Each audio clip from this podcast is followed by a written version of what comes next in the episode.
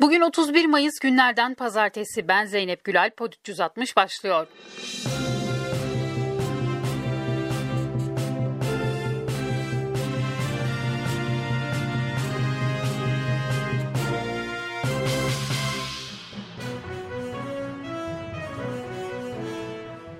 Gezi direnişinin 8. yıl dönümü nedeniyle yapılacak olan anma etkinliğe saatler kala Beyoğlu Kaymakamlığı tarafından yasaklandı. Kaymakamlık İstiklal Caddesi, Taksim Meydanı ve çevresiyle İpek Sokak ve çevresinin toplantı ve gösteri yürüyüşü alanı olarak belirlenmesinin yasak olduğunu ve COVID-19 tedbirlerini gerekçe olarak sundu.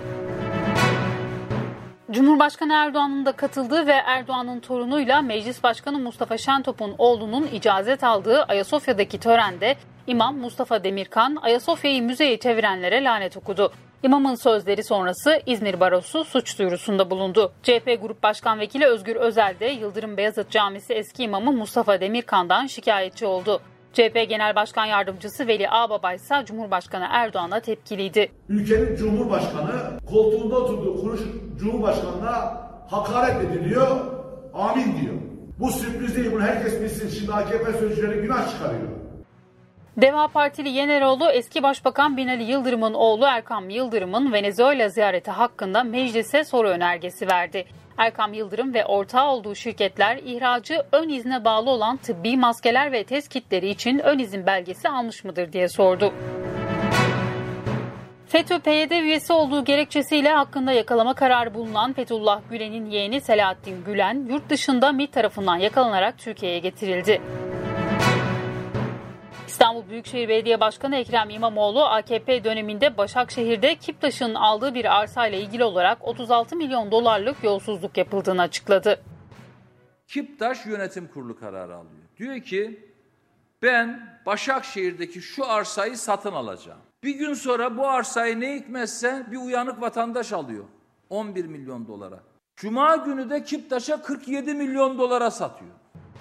Dışişleri Bakanı Mevlüt Çavuşoğlu Atina'da Yunanistan Başbakanı Mitsotakis ve mevkidaşı Nikos Dendias'la bir araya geldi. Yapılan açıklamada Türkiye ile Yunanistan'ın aşı sertifikası konusunda anlaştıkları ifade edildi. Dışişleri Bakanı Mevlüt Çavuşoğlu gazetecilerin sorularını da yanıtladı. Çavuşoğlu Amerikan Başkanı Biden'ın Cumhurbaşkanı Erdoğan'a yakın çalışma arzumuz var dediğini söyledi. Rusya'dan alınan S-400'lere ilişkinde konuşan Çavuşoğlu, Rus uzmanlar Türkiye'de bulunmayacak S-400'lerin kontrolü Türkiye'de olacak dedi. Çavuşoğlu, Amerika Birleşik Birleşik Devletleri'nin S-400'ü kullanmayın teklifinin de kabul edilmeyeceğini ifade etti.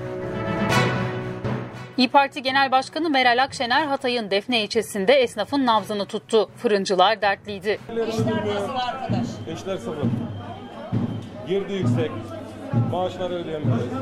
Deva Partisi Genel Başkanı Ali Babacan hastasının bıçaklı saldırısına uğrayan Doktor Ertan İskender'i ziyaret etti. Bunda siyasetin de sorumluluğu var. Yani siyasetteki bu nefret dili, siyasetteki şiddeti adeta makul gören yaklaşım da bu sağlıkta şiddet konusunun ülkemizde büyük bir problem olmasını beraberinde getiriyor. TÜBİTAK yerli aşı için tarih verdi. TÜBİTAK Başkanı Profesör Doktor Hasan Mandal, koronavirüse karşı Türkiye'de geliştirilen VPL aşısının Kasım ayında kullanılır hale gelebileceğini açıkladı. Boğaziçi eylemlerinde öğrencilerin yanında olan akademisyen Feyzi Erçin'in notlandırmada fazladan puan verdiği iddiasıyla derslerine son verildi. Öğrenciler ise bu durumu protesto etti. Feyzi Hoca yalnız değildir sloganlarıyla rektörlük binasına kadar yürüdü. Cengiz İnşaat'ın taş ocağı projesine karşı protestoların olduğu Rize'nin İkizdere ilçesinde gösteri, yürüyüş ve basın açıklaması yasağı 15 gün süreyle uzatıldı. Türk İş ve Hak İş kamu işçisi için zam talebini açıkladı. En düşük brüt ücretinin öncelikle 4800 liraya yükseltilmesini istedi. 2021-2022 için de ilk 6 ay %20, diğer 6 aylarsa enflasyon artı %3 refah payı talep etti. Marmara ve Ege'deki 31 belediyeden deniz salyası için çağrı geldi. Ege ve Marmara Çevre Belediyeler Birliği, müsilaj krizi ile ilgili Marmara Denizi başta olmak üzere tüm deniz ve göl çevrelerinde kurulu olan atık su arıtma tesislerinin bir an önce denetlenmesini istedi.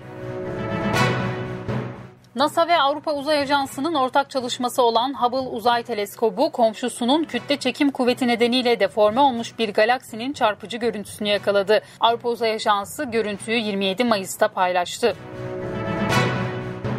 İstanbul'da transit yük taşıyan araçlara D100 tem ve bağlantı yollarını kullanma yasağı getirildi. Bundan böyle bu araçlar Kuzey Çevre Otoyolu'nu kullanacak. Bugünden itibaren başlayan UKAME kararıyla İstanbul trafiğinin rahatlatılması amaçlanıyor.